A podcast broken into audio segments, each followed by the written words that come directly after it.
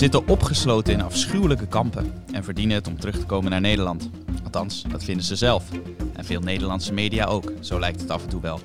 Je zou bijna medelijden gaan krijgen met de vrouwen die zich hebben aangesloten bij Islamitische Staat.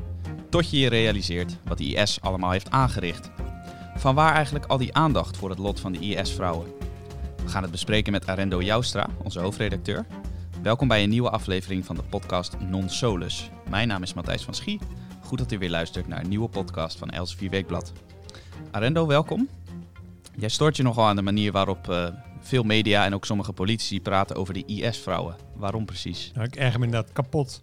Um, en het is niet zozeer door de media, maar vaak in de media. Hè. Dus dit is niet, je kan ook niet direct de media de schuld te geven. Maar het gaat dag in dag uit gaat het over die IS-vrouwen en die kindjes die terug moeten komen.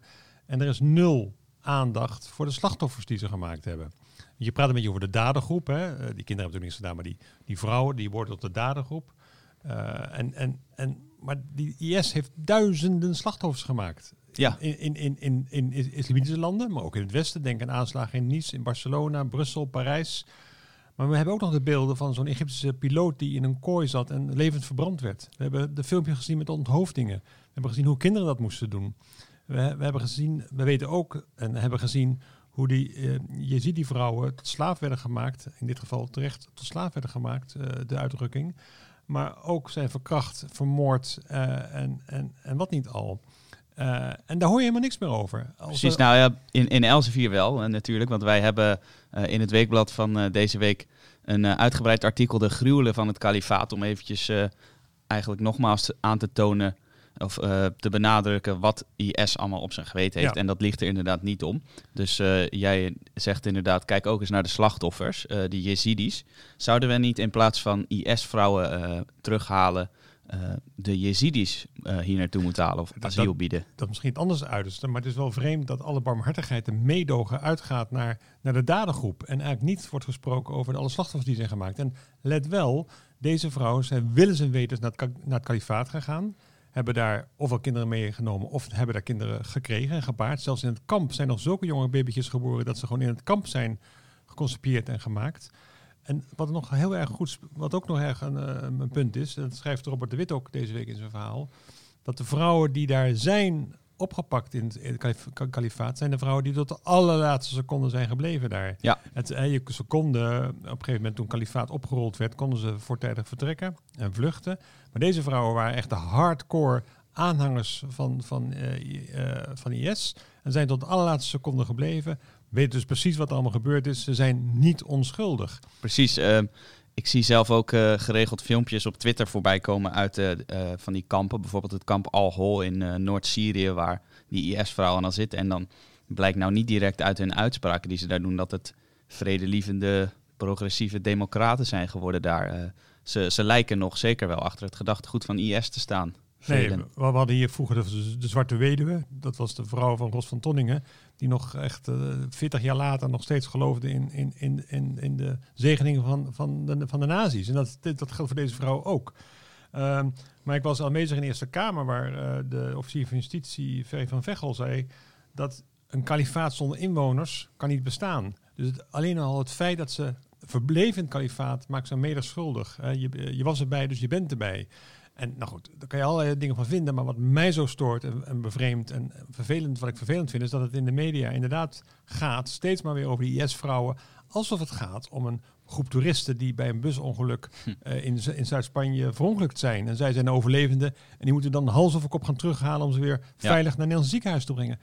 Je praat over echt een verschrikkelijke mensen die verschrikkelijke dingen gedaan hebben. Dat, dat staat buiten kijf. Uh, nou hebben we het gehad over de beeldvorming in de media. En uh, je zegt net al even, het is een heel moeilijk uh, op te lossen zaak. Maar uh, wat, wat zou de politiek wat jou betreft het beste kunnen doen? zouden ze deze vrouwen daar moeten laten met het risico dat zij in Irak bijvoorbeeld of Syrië de doodstraf krijgen? Ja. Of is dat een, een zaak waar Nederland eigenlijk zijn handen niet aan moet branden? Ja, maar Matthijs, ik vind eigenlijk dat we er niet over moeten praten. Ja. Ik bedoel, laat die mensen gewoon daar, daar zitten. En laat, laat ons praten en barmhartig zijn voor, voor, voor, voor, voor de slachtoffers. Maar voortdurend zitten we ons, ons hoofd te buigen over wat we moeten doen. Of ze terug moeten of niet terug moeten. Of daar moeten zijn, of daar moeten, of hier moeten we. Het gaat er alleen maar over. Dat ik zeggen, Ja. we praten niet over, laat het zitten, laat ze hun eigen bondje stoppen.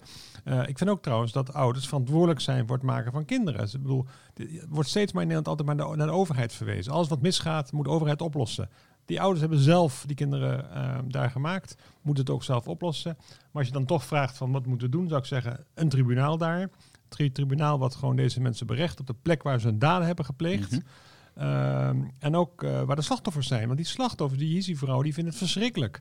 Dat, eh, dat die vrouwen terug kunnen gaan naar het westen, naar Frankrijk, naar Duitsland, naar België. Want die zeggen, ja, ze moeten hier berecht worden. Ook een beetje, denk ik, volgens de maatstaven die daar gelden.